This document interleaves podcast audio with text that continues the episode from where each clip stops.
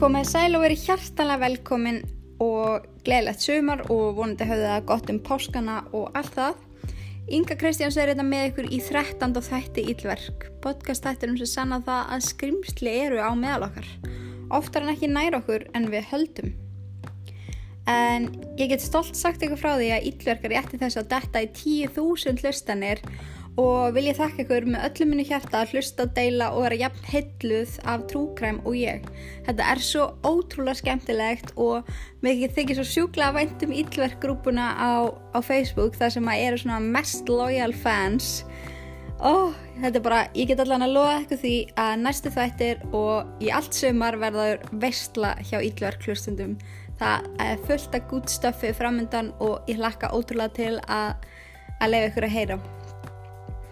En eins og ég ger alltaf áður í byrja þá vil ég taka fram að íllverk er ekki við hæfi barna. Ég kem til með að tala um morð, ofbeldi, kynferðisofbeldi og fleiri íllverk sem fólk hefur framið.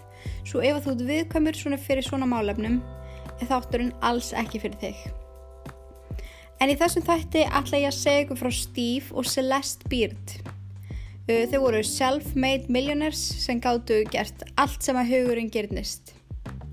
Steve Beard hafði nýlega selt sjóastöð sem hann stopnaði ásamt félögu sínum mörgum mörgum árum áður og seldi hann sinn part á 54 miljóni dollara. Hann var orðin bara heldri maður og langaði aðeins að fara að róa niður lífið sitt og bara slappa af, hann ákvaða byggja sitt eigið hús bara eftir sínum, sínum draumum og eftir sínum, sínu höfði og gaf hann eiginkonu sinni Celeste Beard allt sem að hún gæti hugsa sér og hafði hún auðvitað mjög mikið að segja þegar að kom að hönnun húsin sem að, sem að má í rauninni kalla villu frekar. Celeste hafði átt uh, tvær stúlkur áður en að þau hittust en þær voru tvíbrar og þær elskuðu Steve eins og sinn eigin fadir.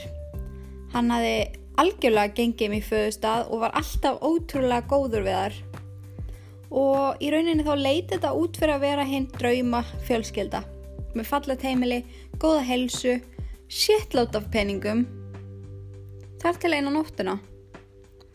Í oktober 1999 vaknar Steve allur út í blóði. Klukkan var 3.30 um nótt og ringir hann í algjöru sjokki í 911.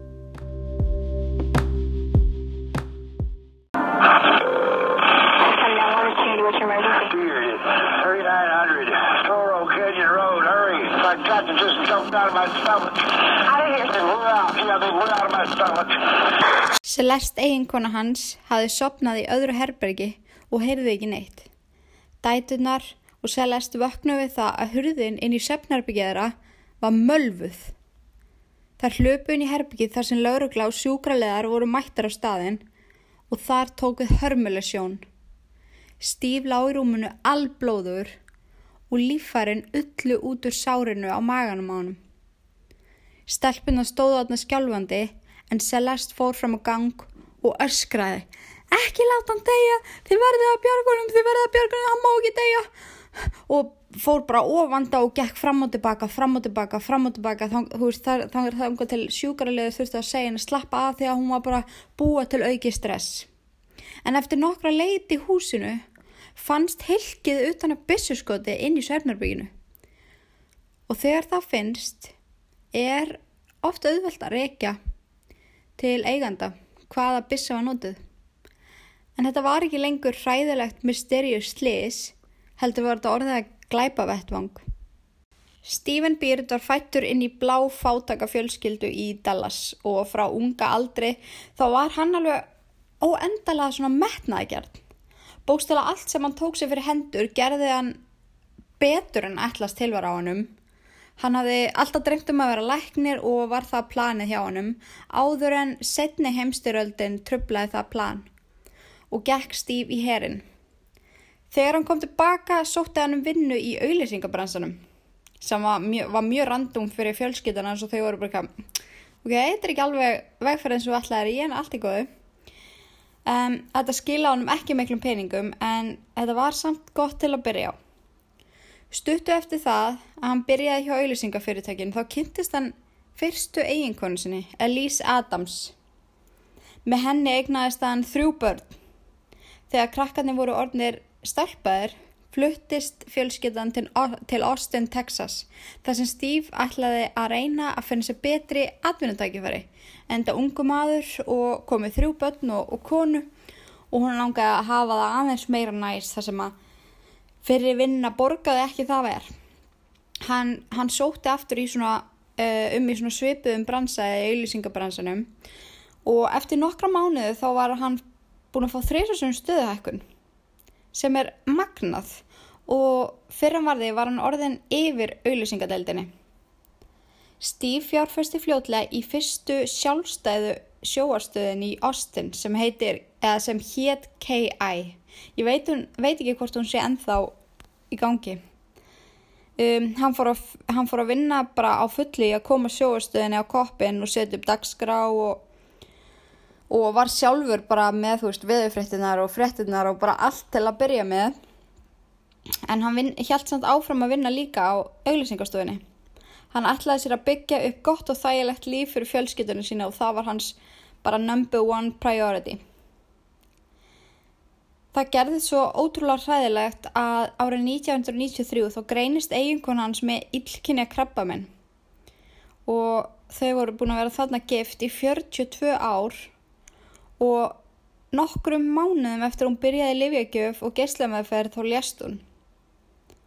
Stíf var algjörlega hart bróken skiljanlega eftir að vera búin að vera með þessari konu meiri hlutin á æfinu sinni og þetta var í rauninu bara ástinni lífin hans og, og hérna og mamma barnan hans en hann ákvað þarna að hann ætlaði aldrei að eiga aðra konu og hann ætlaði bara að einbita sér að börnunum og vinnunni og hann fann bara að það gæti enginn komið í hennar stað, það var bara ekki fræðilegu möguleiki. Og þá ákveður hann að selja sjóastöðina og ferðast með krökkunum, bjóða krökkunum að fara með og fara í alls konar reysur sem hann gerði, hann ferðast ótrúlega mikið og það eru til miljá myndir á hann bara út um allan heim. Um, en það sem að Steve var náttúrulega orðin ansið þektur fyrir að vera aðal andlitið á sjóastöðinni, þá fekk hann ekki mikinn frið fyrir all the single ladies. Og allstað sem hann fór flikkuðs konur á hannum og já, þetta kallast að vera golddigger í rauninni. Þær vissu að konu hans var í dáin. Þær vissu að hann hætti part í sjóastöðinni og þau var alveg til ég að bara byrja með honum. Um, en Steve leiti rauninni ekki við þeim. Hann vildi bara fá að vera í friði með börnunum sínum og þegar Steve og krakkarnir koma heim úr ferðalæginu um Evrópu fer hann að eigða mjög miklum tíma e, í country club í, Aust, í Austin, Texas með fjölugu sínum. En þið hafið kannski heyrt þeim svona country club að þetta er svona kannski fyrir að, að hérna herri stjættirnar í, í hérna í hverjónum og svoleiðis þar sem fólk er að spila gólf og drakka bjór og, og alls konar svona activities sem getur borgaði og verið svona meðlemur um, af klubnum og hann var bara einmitt hann fór nánast daglegar og hitti á félaga sína og hann var náttúrulega bara að reyna að taka hugin að því hvað hann saknaði konunar svona mikið. Uh, í hvert sinn sem hann fór á klubin þá sá hann inn að 32 ára gamlu Celeste. Hún var sérst að þjóna uh, til bors og var líka að vinna á barnum, á klubnum og hann réttiði ofstu félagi sína hvað hann finnist hún ótrúlega sætt. Uh, hann náði loksins að byggja upp kjark til að fara og spjalla við hana. Hann bauð henni ekki að deit eða neitt þannig, hann bauð henni í vinnu, eins og maður gerir. Þar sem hann lofaði að bjóða henni betur heldur en klúpurinn. Hún vantaði einhvern til að sjá um heimilistörfin þar sem hann væri orðin og hafi alltaf verið ansiljulegur í því. Hún tók tilbúðinni á staðnum og daginn eftir var hún mætt í nýju vinnuna sína. Engum gruðnaði neitt fyrir en Steve mætti á Super Bowl með Celeste sér við lið. Vinnina skerðuðu mjög mikið grína hannum og voru alveg bara að býtu erst að taka eldabuskuna með á Super Bowl? Hvað hva hann að mata þig? Þeir alltaf hann að gerði ótrúlega mikið grína þessu. En þarna var Stí, hann, Stephen er 30 árum eldri en Celeste þannig að þarna er hann þá já, 60 og 6 ára. Já það passar. En ef maður spári í þessu þá var hann bara eldri singul maður sem bjó í risa mannsjóni, átti tonna peningum, krakkarnir voru við það að flytja heimann og voru bara öll orðin stálpuð. Og náttúrulega voru bara fann að sjá um sig sjálf. Hann hittir þessa megasæti konu sem að sínur honum áhuga til í kynlíf og ferðalög og til í að drekka góð vín og njóta lífsins með honum. Hú veist, ef maður hugsaður þetta þá, þá skilum maður kall greið þú veist. Þetta langa honum að hafa eitthvað til að eigða þessum tíma með sem hann ætlaði að eigða með konun sinni. Uh, en hann var útrúlega heillandi maður. Þótt að hann hefði verið mun eldur en hún þá hefur það líklegast hjálpað já, það hefur hjálpað en það hefur öruglega hjálpað líka hvað hann átti ótrúlega mikið af peningum og nettvörðið hans var bara eitthvað svona ruggl mikið. En hann allavega nautast í botna vera með henni og, og hún með honum allavega eins og hann hjælt það allavega en þrátt fyrir það hvað hún var sæt og hillandi þá fylgdi henni samt hellingspakki hún var allavega búin að skilja þreysasunum og dæturna tvær voru búin að búa hjá fósturfjölskyldum bara út um allt. Hún hefði aldrei átt neitt pening, hún hefði verið í fíknefnum og já, það má bara segja að lífið hefði ekki verið auðvelt fyrir hana. Hún var bara búin að flakka út um allt, flytja út um allt og einmitt. En núna var hún komið kærasta, ríkan kærasta og árið 1985 þá giftist Steve Celeste Þrátt fyrir það að börnin hans voru margbúin að segja við hann að hún var ung og það var eitthvað að skríti við þetta. En það bara fylgdi henni rosalega mikið á skuldum og vesenni og innstinni heldur krakkarnir að hún væri bara á eftir peningunum hans. Veist, það, ég skildi það mjög vel á spáiði. En já og líka bara það sem hún var 32 og hann var 70. En að sögt barnastíf þá gerði hann alltaf bara nákvæmlega það sem honu síndist. Það var ekki þetta að segja við hann þú ætti að gera þetta eða þetta gengur ekki upp. Veist. Hann gerði bara það sem bjó í brjóstans og ef hann vildi giftast ástunni sinni þá gerði hann það bara. En Steve útvegar henni Celeste mjög háar mánaðatökjur og hún þurfti alls ekki að vinna. Hún þurfti ekki að vinna handtak. Hún vandist í mjög fljótt að geta farið bara á svona shopping spree, keift sér bíl og skarkreipi og haft það bara eins og vill og hún var algjört fata frík, hún bara, hún var alltaf að kaupa sér född og þá merkja född. En Steve endaði líka á því að ætla, ætliða Jennifer og Kristínu sem voru tvíburadætur Celeste. Hann keipti á það ný född, kom þeim inn í eitt besta skólan og svæðinu og gaf þeim sikkut katalagin í, í gjöf. Hann var ótrúlega góð við þar og Stelpuna voru loksins að fá að upplega hvernig var að fá að búa hérna, mömmu sinni á svona stabil heimili þar sem að var kvöldmatur og ást og umhyggja og það gott alltaf komið heim í hlýju og bara gengið að fólkdur sinu vísum sem að þær hafði aldrei upplega áður. Það er eignust fullt af nýjum vinum og voru alveg bara ótrúlega hamingisamar og þær elskuðu Steve bara eins og sinna einn föður. Þar segja það sjálfar í, í viðtölum. Hann hafði allan að bjarga þeim og gert líf þeirra svo mikið betra. Flestum konum hefði líklega sliðið eins og þær hefði dottið í lukkupottin. Ótrúlega góður eiginmaður, stabílt heimilislíf, hann var góðu við börnin hennar, nóg reyðu fyrir, ferðarleg hvena sem hún vildi. En fyrir Celeste þá var þetta ekki, mon, ekki nóg. Hún vildi eitthvað meira. Og þegar þau voru búin að vera gift í þrjú ár fóru gamlar vennjur hennar að skjóta upp kollunum aftur.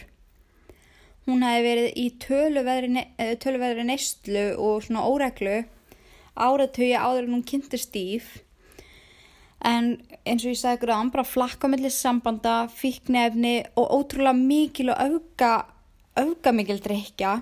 Hún fór að lifa sínu eigin svona leini lífi þar sem hún laumaðist út á kvöldin eftir að stífa sopnaður Hún gekk mér að segja það langt að setja svepplif í kvöldmatur hans svo að hann myndi alls ekki vakna við hana.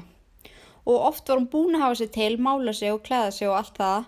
Fór svo undir seng og þóttust vera sofandi og beigð það sem þanga til að hann var farin að hrjóta. Og þá skreið hún út og fór út jammaði alla nóttana. En passaði að vera alltaf komin heim aðra fjölskyttan en að vakna þannig að engum grunaði neitt. Eða hún hún held við allan fjöldan af mönnum og satt í bakherbyggjum á skemmtustöðum og kelaði við á og þegar dætrunar auðvitað átjónara ákváð hún að halda fyrir þær risa vestlu sem að Steve borgaði fyrir.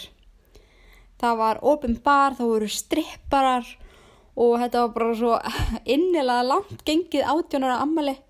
Vinkonur Jennifer og, og hérna Kristínu fannst mamma þeirra alltaf ósláð töff, bara oh my god, hún er bara að djama með okkur og er bara til að borga þetta allt og eitthvað, en hérna Celeste bauð Steve ekki. Celeste saði við hann að vera bara heima þar sem þetta erið bara stelpuparti. En það var ótrúlega leiðilegt og mikil skellir fyrir Steve þegar hann fór að skoða myndir úr visslunni að það voru fullt af strákur, strákum og pappi stelpnana voru þarna, hérna blóðfæði stelpnana. Þannig að hann varð ótrúlega leiður og, og skildi ekki akkur hann mætti ekki koma í átun og ammali hjá að hann taldi dæturum sínum. En já, að þeirra mati var það, allavega Celeste mati var það eina sem hann þurfti að gera var að borga fyrir þetta allt. En þessi vissla var upp á rúma 10.000 dollara. En, en hérna í viðtælum þá segja vinkonur Celeste að hún hefði verið ótrúlega vilt elska að dansa og skemta sér og fór alla leið með gott parti og hún hafði líka eitt kvöldið trúaðin fyrir því að Steve gæti ekki fullnægt henni kynferðislega þar sem hann væri orðin svona gamal og hún hafði ótrúlega litla svona list á því að vera intimate með honum.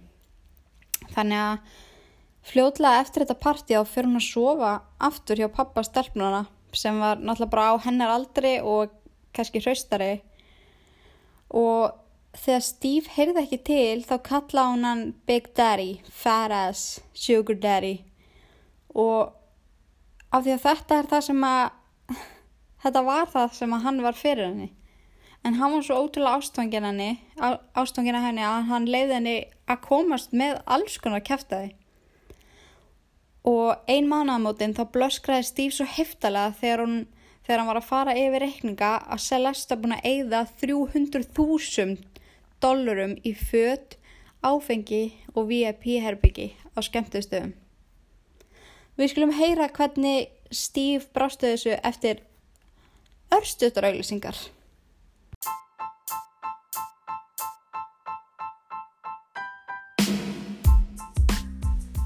Er á æfingafóti þín orðin upplituð og gödótt? Ertu ekki að meika hvað æfingaböksuna þín að rúla alltaf neður þegar þú ert á æfingu? Eða ertu jáfnvel í 15 ára gamlum kvennalöpsból frá mömmuðinni? Mm, þetta eru vandamál sem á kippa í lið 1, 2 og bingo. Farðin á brandsson.is skoða úrvalið að bæði herra og dömu æfingaklæðinaði. Hlustendur Ílverk fá 15% afslátt á öllu inn á brandsson.is. Noti kóðan Ílverk við checkout og fái 15% afslátt. Ég endur tek ILL VAF-ERK við checkout fyrir 15% afslátt. Brandsson.is Velkomin tilbaka. En já, það fauk sérst svo mikið í stíf eftir að hann fór að fara yfir hérna alla reikningarna og hérna allt sem þau voru búin að eigða yfir mánuðin að sjá þannig að hún var búin að eigða 300.000 dólarum í bara fött og áfengi og skemmtanir. Að hann hótar að skilja við hana uh, og uh, ef þetta heldur svona áhrifn þar að segja bara þú verður að laga hvernig þú haga þér annars er þetta bara búið. Uh, það fyrsta sem að hún gerir þegar hún fór að leita rétta síns var að finna út hvað hún fengi mikið ef að þau myndu skilja, hvað hún fengi mikið af peningum. En það kom séðan út að hún ætti rauninni ekki hérna rétt á neinum peningum svona í kass en hún fengi húsið og alla bílana í þeirra eigu. En hún var sérst búin að eigða upp peninga upp að henni sem hún átti að fá ef að hann myndi falla frá eða, eða þau myndi svo óhefnilega að skilja. Það var bara miklu minna til að peningum því að hún var búin að eigða þessu miklu af því. Og restina áttu að fá, áttu börnin að fá. Hann átti náttúrulega þrjú börn fyrir úr fyrir á hjónabandi og stelpunum tvær og þá áttu að skipta restina upp á milli þeirra en hún var bara ekki neitt nátt sátt við þetta hún var ekki ánað með að vera bara miljónamæringur hún vildi vera möldi miljónamæringur og hún bara gæti ekki hugsa sér að sjá þetta allt hverja frá sér þannig að hún ákvaði að skrifa bref til Steve sem var fullt af ást og umhugju og notaði alla sína personatöfra um hvað hún elskaði hann mikið og hvað hann hafi bjargað henni. Hún gæti ekki hugsa sér að missa hann. En my badass Steve sem var búin að vera svo meðverku með henni og gera allt fyrir þessi konu og ef þið googli mynda á hann þá er þessi maður svo mikið bangsi og algjör dúlla En í þetta sinn þá hlusta hann ekki á hana. Hann var komin að þeirri niðurstöðu í huganum að hún hafði bara verið að nota hann eins og allir hans nánustu höfðu verið að segja hann. Hann vill að skilnaðurinn gangi gegn. Celeste hætti ekki þarna. Hún, húst, og þarna fór hún bara, hún gekk ótrúlega langt til að fá aðtegli en hún hótar þarna að skjóta sér í höfiði fyrir framann dætuð sínar.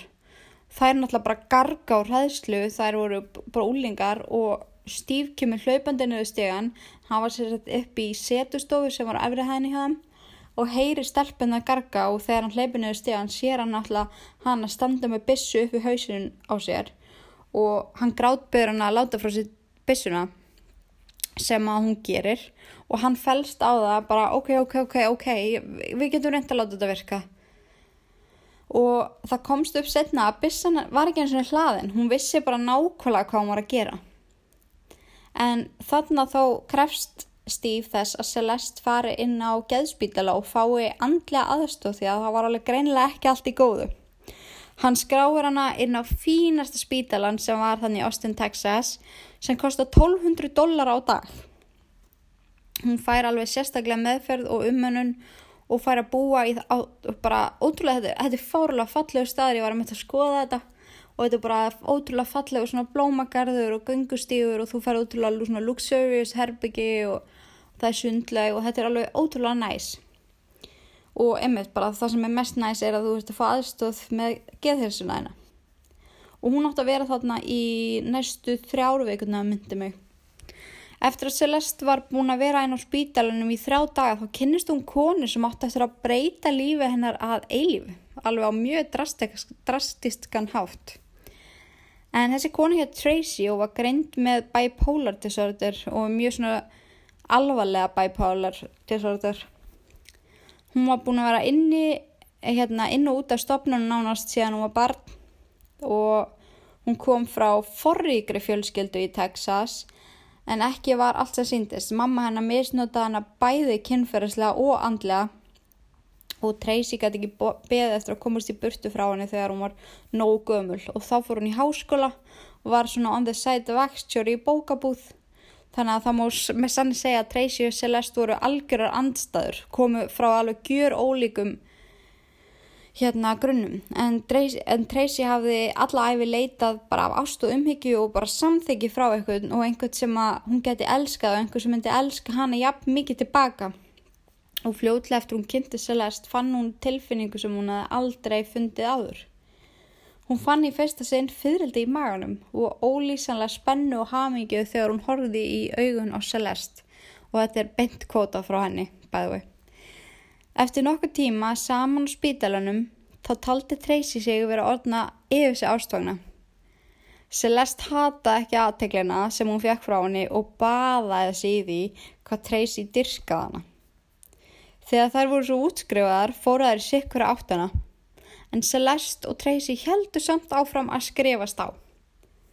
En þær fóru bara já, út í sín, hérna sína vennilögu rútinur og heim til sinna fjölskyldna og fyrstum sinn þá tók Steve Tracy bara fagnandi. Hún er fast geggjað að eiginkonan hans átti vinkonu sem var skildi hana og hafi í rauninu farið í gegnum það sama á hún.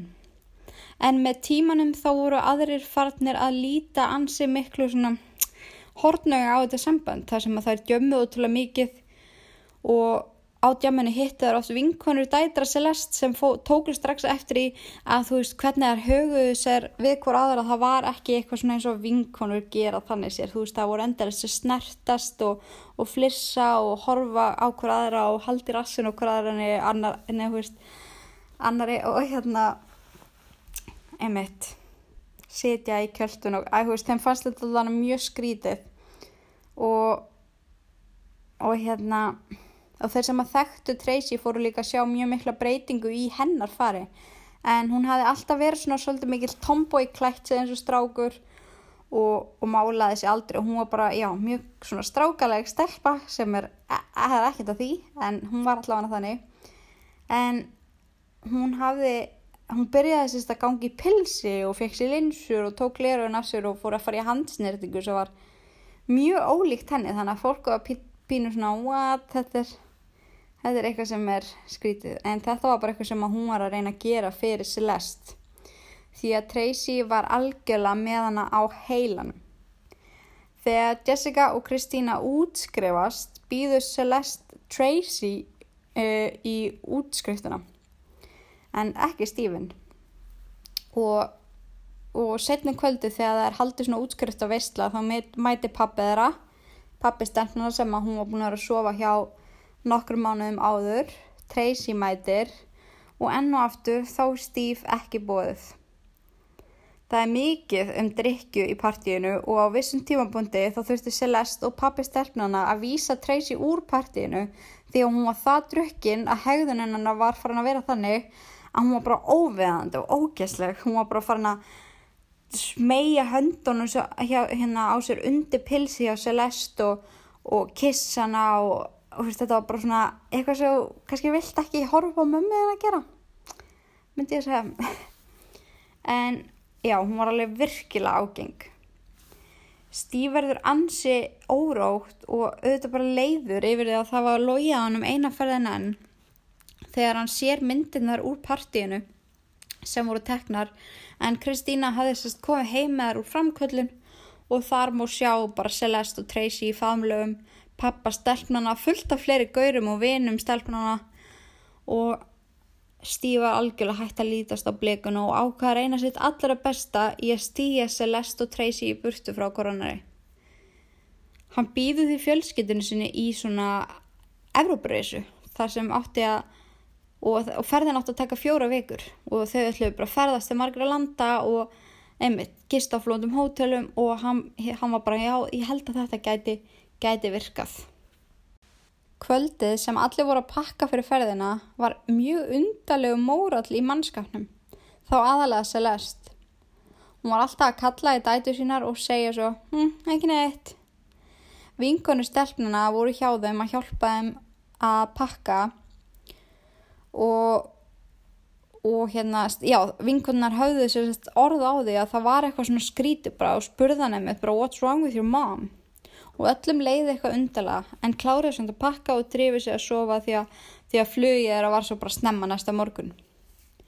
Klukkan þrjú um nóttuna sérst í myndavælum einhvern klifra inn á lóð fjölskytunar. Laumast í gernum garðin, fram hjá sundlauginni sem var fyrir aftanhúsið og innum hurðina sem láin í eldu sem þar var svona slætt hörð. Einstaklingurinn gekk svo róla upp stegan og inn í söfnarbyggi hjónana.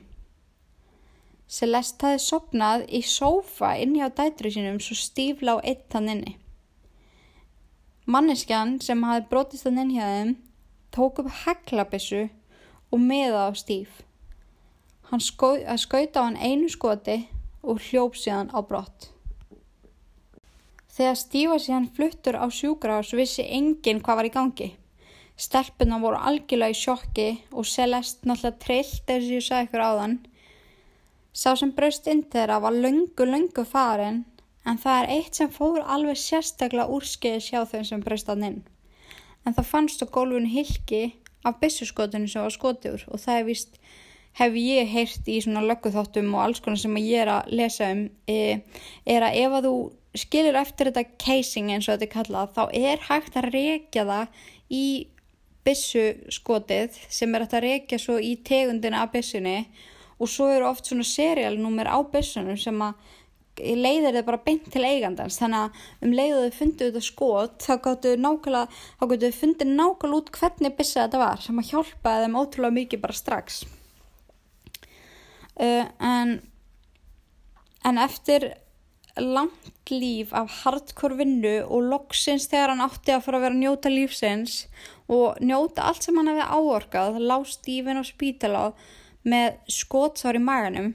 En uff, þetta er svo brútal að því að hann var sérst með svona ístru hann Stíf eins og margir kallar eru með, þetta er svona ístra, ég veit ekki alveg af hverju hún verði þannig, en það var svo mikið þrýstingur í inniblónum á honum að þegar það var skotið beinust til leið, það var skotið rétt fyrir neða naflan og í staðin fyrir að kúlan hafi bara farið inn í lífærin þá sprakk húðin á maganum og lífærin bara kuppuðust út úr ístrunni. Þetta, þetta er mjög sérstakt en þetta er það sem gerðist.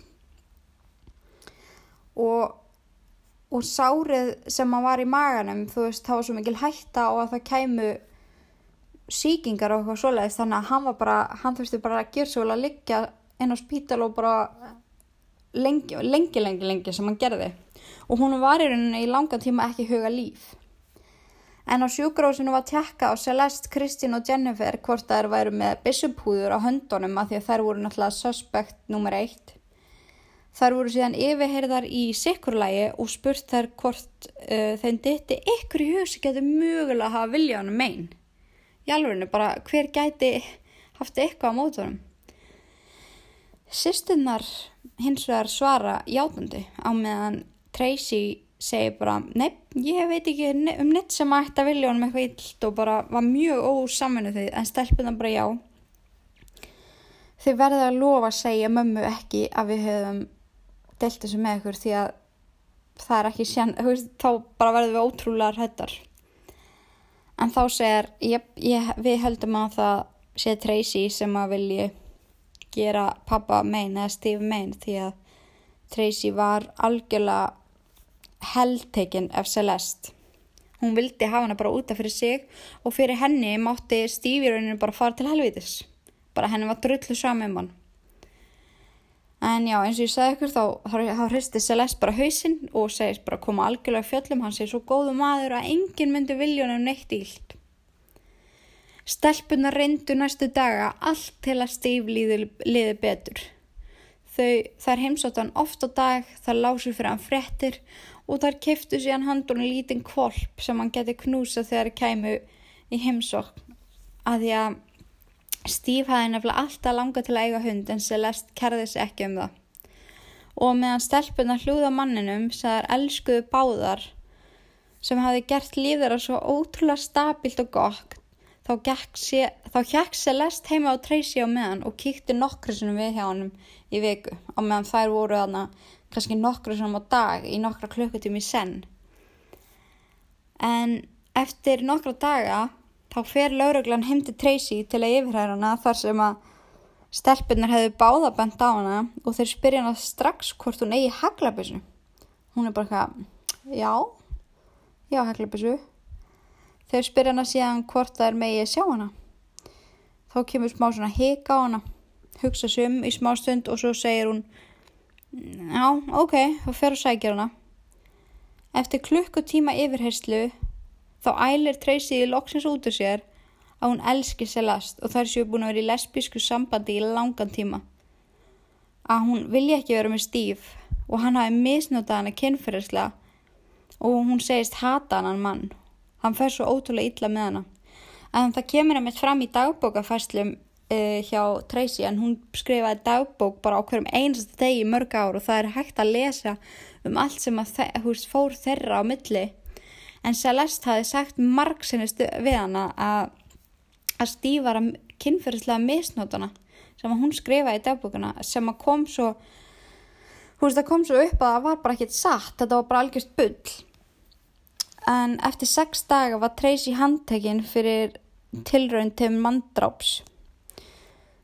Maður hefði haldið að á þessum tímapunktu þá væri Celeste virkilega niðri fyrir hús, kannski svolítið leið, þú veist, kærastan hennar væri handtekinn fyrir að hafa reynd að drepa ríka mannin hennar og ríki maður hennar liggur hennar spítala millir heims og heljum er þess að skótsar á maganum og inniflið náttúrulega lekand út en nei, nei, hún bara, hún bara eins og flestir sem myndi verið þessum aðstæðum gerði þá fór hún bara að vestla hún fór bara á dýrustu göngugutunan í Austin, Texas og fór bara að vestla og hún kaupið sér skarfgröpi fyrir 80.000 dollara. Ég meina, þú veist þar maður ekki að dreifa huganum á svona erfiðum tímum eða eitthvað, ég veit ekki. En á milli þess sem að hún vestlar fyrir hún í spilavíti og eigðir eins miklu og henni langar. Og þrátt fyrir allt sem að hafi gengið á, segist Steve samt elskana. Veist, það gerist ótrúlega oftu fólk sem að lendir í einhverjum svona hræðilegu að þau kannski líta öðruvísi á heiminn og á fólk. Þannig að það er spurning hvort að hann hafi verið bara orðin svona ótrúlega auðmjúkur í gegnum veikindin. En hann allavega segir henni að hann elski hana og dætur hana meirinn allt og breytir erðaskranni úr því hérna, að hún fengi ekkert meira yfir í að Celeste fái 90% af erðaskranni og börnum mættu skipta restin á milli sín sem að, sem að lækkaði peningi sem að krakkarnir átt að fá alveg töluvert. En það þýtti að ef hann fjall frá myndi Celeste frá 10,5 miljónir dólar á þessum tímapunkti þá hlakkaði í henni og fjallan er á hnén hjá rúmstöknum hans og sagðist elskan líka. Hún feldi mér svona nokkuð tár stelpan, fór allar eða leikara skannum. Fjóru mánuðum eftir að skoti var á stíf, þá ljast hann í januar árið 2000. Það voru svo mikla síkingar í sárinu og í lífarinnum í kring að það tókst ekki að bjerga honum. Það var haldinn ótrúlega falleg jarðaför fyrir hann með, ég var að mynda að horfa á klippu úr svona vídeo sem var tekið á einhverja myndavel hann og það var ótrúlega fallið tónlist og það voru svo margir, það voru yfir 200 manns en það var mjög elskaður og þekktu maður og þeir sem elskaði hann mest fengu hverjan þannan dag. En Celeste var ekki lengi að koma sér aftur í gang eftir jarðaföruna en daginn eftir var hún farin að vesla bara aftur. Hún gekk það langt að bankin hafi samband út og óeðlilega mikilvæg eðslu þar sem Steve var alltaf með mannisku í fjármálunum sínum sem fylgdist með. Og Steve hafði stilt þetta þannig að á einu ári var bara hægt að eiga það maks miklu af, af reikningnum. Þannig að, að þetta hefði sérst ekki verið leiðrætt ára en dó Svo lagalega séð gildu þessar reglur ennþá og þess vegna var eitthvað manneski sem ringdi og bara heyrðu það er eitthvað svona skrítið mikið aktiviti hérna. Celeste var náttúrulega ekki ánað með þetta. Það dögði hann ekki að vera með 10.000 dólar á mánuði svo hann ákvað að koma stelpunum í vinnu og láta það græja nokkur skítadjobb fyrir sig sem oh my god sko. En sérst út um allt hús það lágu pókar fullir af fötum sem voru ennþá bara með miðanum á. Og það sem hún gerði var að fylla bílið sinn af þessum pókum og let svo stelpun að keira melli búða til að fá endugreitt. Spáði því. Og, og ok, ímyndið ykkur kæft fullan bíl af svörtun ruslapókum. Þetta var þannig. Og þau þurfti að fara með hverja einustu flík og reyna að skila þeim, veist, og flokk þetta og, þeim fannst þetta svo ógeðslega vandræðilegt. Þeim languði ekkert að gera þetta en hún bara það neyndist til þess en máli er að máli er sko að hérna búðunar vildu ekki gefa henni tilbaka í peningum. Og þetta var svo miklar upphæðir. Þú veist þetta voru stundu 20.000 dólarar og þannig að hún fekk bara ógeðslega mikið innlegsnótum hún átti bara þykkan bunga af innlegsnótum þannig að plana hennar upp að gekk ekki alveg upp þarna að fá meira ekstra peningum. En hún vildi um, du, du, du, hvert er ég komið? Nei, veist, ég er bara í svo miklu sjokk yfir sig ef mamma myndi beða mig um að gera eitthvað svona maður væri bara oh my god en líka bara hversu mikið mikil græðki getur verið í einni mannisku Veist, hún var að fá svo ótrúlega mikið magna peningum í eðislu fyrir hún þurfti ekki að vinna handtak en þetta var samt ekki nóg. Samt var hún, þú veist, hún eitti svo miklum peningum. En en já, þarna var bara að fara að e, vera til minna af peningum eftir að, eftir að hún var bara múin að eigða eins og klikkaus en hún og líðan hennar var farin að koma virkilega mikið niður á dætrum hennar. Hún reytti í þar og kom ótrúlega illa fram með þar eins og þær voru bara eitthvað aðstofakunur fyrir henni. Og þá sérstaklega Kristína sem var oft mjög svona hrætt við skapofsan í henni. Eitt kvöldið voru frettir gangi og það var eitthvað svona spjall frettatháttur í gangi og það var verið að tala um Steve Beard-málið að því hann var náttúrulega mjög þekktur og, og fólk var að spá í þessu alveg fram og tilbaka og það voru sérst pælingar um að Celeste hliti að vera einhvern veginn tengd við þetta mál. Þegar hún heyrir þetta þá fríkar hún út. Hún fær bara maníu og skapið henn að vestnaði ennþá meira. Eftir nokkuð tíma á hróttalegri geðræðningu spurði hún dætu sínar hvort að þær ættu allar að setjast inn í bíl sem er inn í bílskur, setja henn í gang og deyja allar saman. Hún gæti bara alls ekki meira. Þegar þar svöruð henni neytaði þá strunsaði Celeste í burtu og daginn eftir tjekka hún síðan á spítalan sem hún hafði verið á áður og það sem hún kynntist Tracy.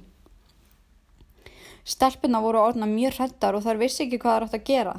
Veist, þegar mamma er að ringdi það hóta á hann að fara með hárblásar í bað sem var í sambandi og skera sig, reyna að drepa sig á einna annan hátt og, og það leiti út frá hún væri bara alls ekki að vinna í sínu málum þarna inni og hún var meira bara að spila á samvisku fólks í kringum hana.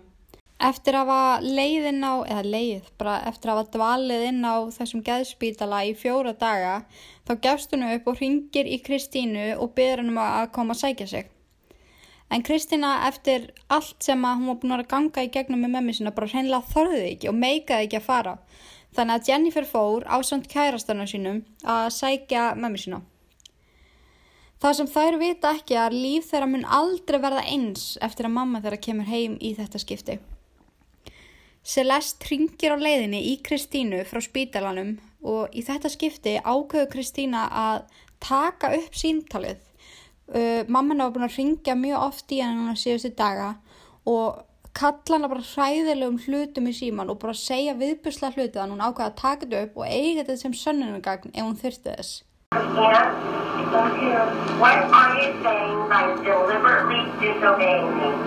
What are you saying by deliberately disobeying me? Huh?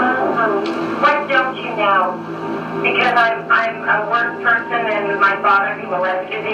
You know what you don't know? Huh? Because I've been that cruel to you? No. Then why don't you say that I hurt you worse than my dad hurt me? Because you did.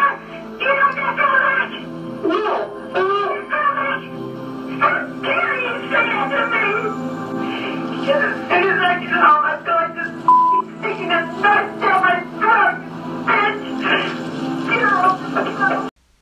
hún er búin að leggja á Kristínu þá hallar hún sér aftur í sæti í bylnum og segir quote I really could kill Kristína. Jennifer hugsaði með sér að nú erðu þær að fara, þetta bara er ekki örugt lengur. Þar skuttla henni heim og þegar hún er sopnuð fara þær aftur uh, út ásamt Kristínu og fara til kærasta Jennifer og fá að vera þar.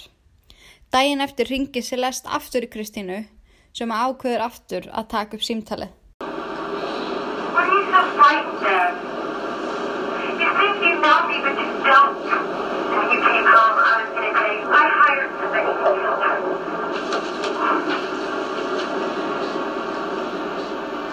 Eftir þetta símtal og eftir að hún heyri mömmu sín að segja I hired somebody to kill Tracy þá var eitthvað innræð með henni sem að brást og hún var algjörlega vissum það að hún var 100% viss, hérna, tengt stífmáliru, hún Celeste.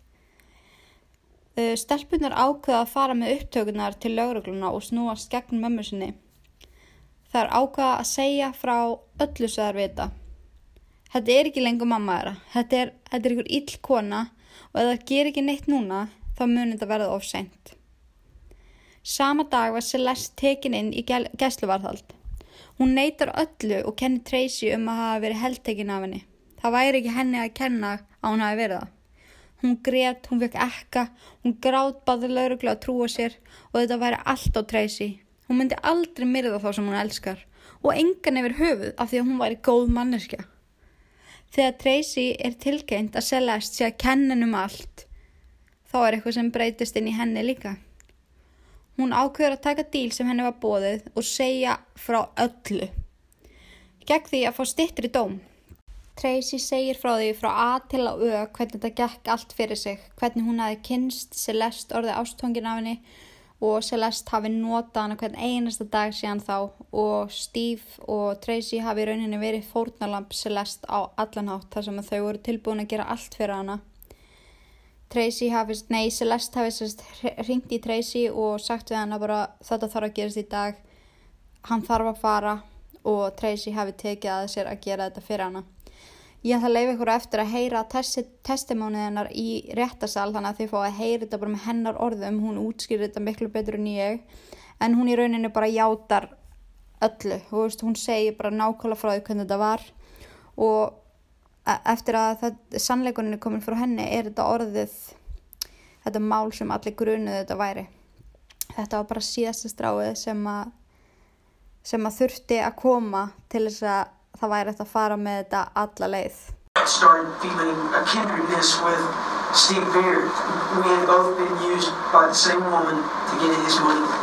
The real reason you're testifying is because you got a sweetheart deal, 20 years, of which you'll probably only have to serve 10. Isn't that right? That's not the primary reason I'm testifying. Tracy sjokkar svo alla þegar hún segir frá því að Celeste hafi sjálfur reynd að drepa Steve margóft. Hún hafði eitra með honum með alltaf sterkar og sterkari e, eitrum og á vissum tímabundi baðan hana um að panta fyrir sér bók sem er um eituröfnaformúlur og hvernig er þetta notaður til þess að drepa ímislegt og eigða ímsum efnum upp. Þannig að hún var búin að vera að lesa þessa bók og í marga mánuð sjálfar henn að drepa Stephen sem að gerði það kannski að verkum að lífverðin hans voru svona blótett og uppþemt og það var búið að vera eitthvað malland í honum í langan tíma. Við skulum heyra hvað Tracy var að segja um þetta. Vodka. Um, she also would crush up sleeping pills and put them in his drinks. She said that, you know, sooner or later, it's going to kill him. She had asked me to order a book for her called The Poisoner's Handbook because she wanted to cook up a batch of botulism and poison him with it. What did you say about her suggestion that she shoot Steve Beard? I said, I don't want to do this. She said, there's nothing left. You know, I might as well, I might as well just take it right now and shoot myself. And I, I said, fine, let's go. I'll do it. I thought about her and all of the torment and terror that I thought she'd been experiencing all these months. And so by the time I got to the bedroom, I couldn't stop and I couldn't look and I couldn't do anything but pull the trigger and show us how you shot. I walked into the end of the bed and I saw him and I pulled up and I shot him. Þessi réttarhöld urðu samt uh, eitthvað sem að margir lögfræðingar kalla clown show eða bara show því að Celeste átti náttúrulega nóga peningum og hún reið til sín einn virtasta lögfræðing bara sem hún fann og borga hann um 500.000 dollara til þess að hérna, styðja við hana í þessu máli. Þannig að þrátt fyrir það að þau voru komið með söguna og vittnin og allt það sem að í rauninni tengdist málinu þá var það ekki nóg en þessi rétturhald fóru úr því að bara standa yfir í fjóra vikur. Það voru ráðin inn hundra vittni það voru 400 sjónavóttar og alls konar sem var komið til sem að fólk kannast ekki eins og við. Þetta er hægt eða til nópenningum en einmitt hún gæti bara hún var bara það hefði núna að kalla til einn virtasta lögfræðingu sem hún fann sem mældi með því við hana að breyta alveg um fatastíl líka. Virka meira saklus og fá sér gleru en, en hérna Celeste var alveg mjög svona stælis kona, hún var alveg glæsileg og mjög falleg með fallegt ljóst hár og bara mjög falleg ung kona. En þegar hún mætti í réttasalinn eftir þessi ráð frá lögfnæðingnum sínum þá var hún, þá var hún svolítið klætt bara eins og kórstelpa, við veitum hvað ég á við, en hún var með, hún var með hérna taklið alveg svona sleikt aftur og gleru sem að hún hún gekk ekki eins og með gleru, hún átti ekki eins og gleru og hún bara leit, hún bara gjör ólíka, ótrúlega sagleisislega og kom inn með gifs og hægjur, alveg sko feitt gifs og hægjur. Og það kom síðan upp hérna setna að það var ekkit aðeins löpun, þetta var allt bara til þess að spila á hú veist hvað fólki fannst um hana og fá fólk til að vorkja henni, bara alveg svona gert allt sitt helvitis líf, hún var bara manipulator. Og social path örgulega líka hún, en hérna lögfræðingurinn hennar gekk það langt að taka stelpunar hennar fyrir sem að sem að áttu nákvæmlega engan þátt í þessu. En, en hann bara reyndi að koma þessu yfir, yfir þær og planið er að hafi verið að drepa þau bæði til þess að fá allar peningin. Þar hafi báðar hata stíf og viljað peningin og húsið og allt fyrir sjálfa sig og, en það eru auðvitað þvertóku fyrir það bara, nei, þetta er ekki satt, við elskum stífum vildum ekkert með pening að gera. Þar vildu bara réttlæti fyrir hann. En þegar lagfræðingur er að fá 500.000 dólar á greita, þá gera það hvað sem er. Hann svist einskist til að og ræðist á bara hvað sem er. Og ef það hefði verið stelpunar sem var að borgunum 500.000 dólara þá hefði hann ráðist alveg eins og Celeste. Þannig að hann var tilbúin að fara alla leið. En ég ætla að lega ykkur að heyra hérna hvað hann segir við stelpunar og hvað svo lögfræðingurinn segir á móti Celeste. Þetta var svona, smá svona debæ... Jó, mínar ennskuslettur. Við hefum stundum ekki vel saman. En þetta var nokkuð skonar debate á milli með eða á móti. And you didn't like Steve, did you? That's not true. Steve didn't like you either, did he? He did too like me. Didn't you contact a lawyer about becoming your mom's guardian, taking over uh, completely. That's correct. You're planning, if your mom gets convicted, to file another lawsuit so you can get your share of Steve's estate. No. You bought a Jeep. Correct. You had a Cadillac and your sister had a Cadillac, but you bought a Jeep too. Correct. I mean, I just can't imagine how they think 19 year old kids, I mean, we were kids at 19, uh, could even cook up a scheme like they were trying to make us out to be. To be. It just seemed like DeGuerin was just making up all this bogus evidence. I knew they were going to do that, but it still it still made me angry. When you're rich, like Celeste Beard, you can buy a lot of things. You can buy a lot of friends, you can buy a lot of lawyers, and you can buy a lot of witnesses. Folks, if you say that Celeste Beard is not guilty with all of this evidence, then you're going to tell her that her money can buy anything. This soap opera that we went through for four weeks does not prove Celeste is a killer or wanted her husband dead or did anything to do it. The only evidence they have is Tracy Tarleton, and Tracy Tarleton can't be believed. She can't be believed because she has such a stake in it, but not only because of that, but because she's a crazy woman. Celeste is not guilty. All rise, please. Eftir fjórar vikur næstuði fimm tók það 23 klukkutíma næstuði heilan sólaring fyrir kviðdóminn að gera upp hugsin og loksins var komin eitthvað niðurstað í málið. Person, please read the entire form. Uh, state versus Celeste Beard Johnson. Verdict of the jury. Verdict form one, capital murder. We, the jury, find the defendant, Celeste Beard Johnson, guilty of the offense of capital murder. Celeste var dæmt til lífstíðar í fangelsi og Tracy fekk 20 ára dóm sem var lækkaður niður í 10 því að hún vann með lauglunni á móti Celeste og þegar réttahaldunum var lokið þá fekk fjölskyldasest færa og tala beintu Celeste um, og lýsa því hvað þeim bjói í brjósti í rauninni áður hún færi í fangilsi þar sem eftir var af lífinennar. Uh, Kristína ákvaða að taka standinn og segja loksins það sem henni finnst um mömmu svona sem hafi nýðist á henni alla henni æfi. Hún hefði alltaf verið aðal viktimið hjá mömmu sinni og mamminar hafi gert henni marga hræðilega hluti. Þannig að hún ákveði þarna að eiga síðastu orði, orðið og loka á þessa gríðalegu meðverkni sem hún ber til mömmu sinnar og segir henni nákvæmlega hvernig henni líður. What did I ever do to you except love you? And this is how you treated us like trash. You say we turned on you?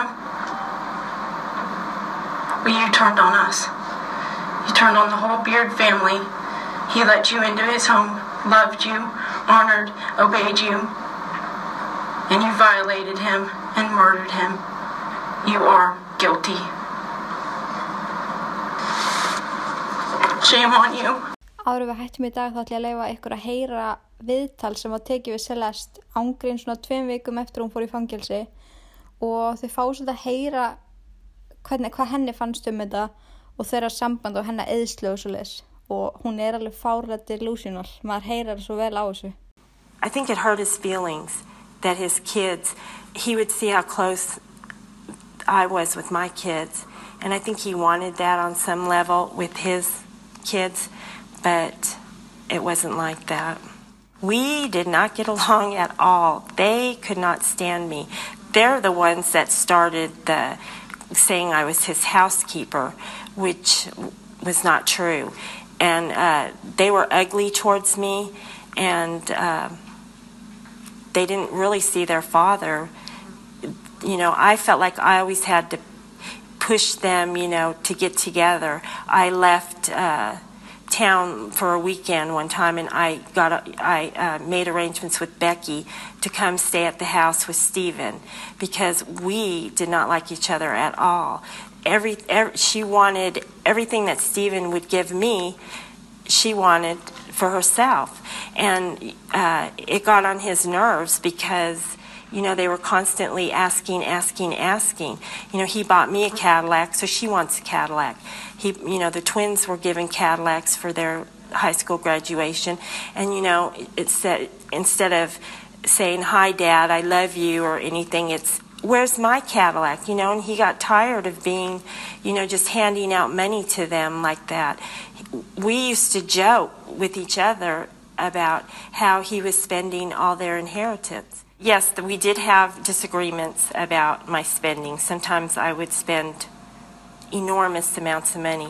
But after a while, Steve just gave into it, and but he appreciated it as far as uh, the house. Like he had given me a half a million dollars, and instead of investing it, I spent the entire half a million dollars on uh, fine arts for the house, and he loved stuff like that. I mean, it made him proud. He he would tell me our house looked like a museum, and we would have huge parties. And I gutted our lake house two or three times and remodeled that. And he he liked it. I mean, he bragged about it to his friends. Um, it took him a while to get used to uh, spending money like that, but towards the end. Um, you know, he said you can't take it with you, so he might as well enjoy it. He actually uh, in, spent sixty thousand dollars because we were taking a limousine from Germany to London. So that shows right there that he was into spending money also.